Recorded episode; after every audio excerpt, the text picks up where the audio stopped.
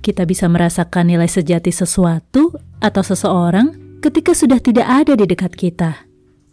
Dari kehilangan itulah kita bisa belajar menghargai sesuatu atau seseorang, entah itu uang, kesehatan, kebersamaan, kepercayaan, barang, dan lain sebagainya.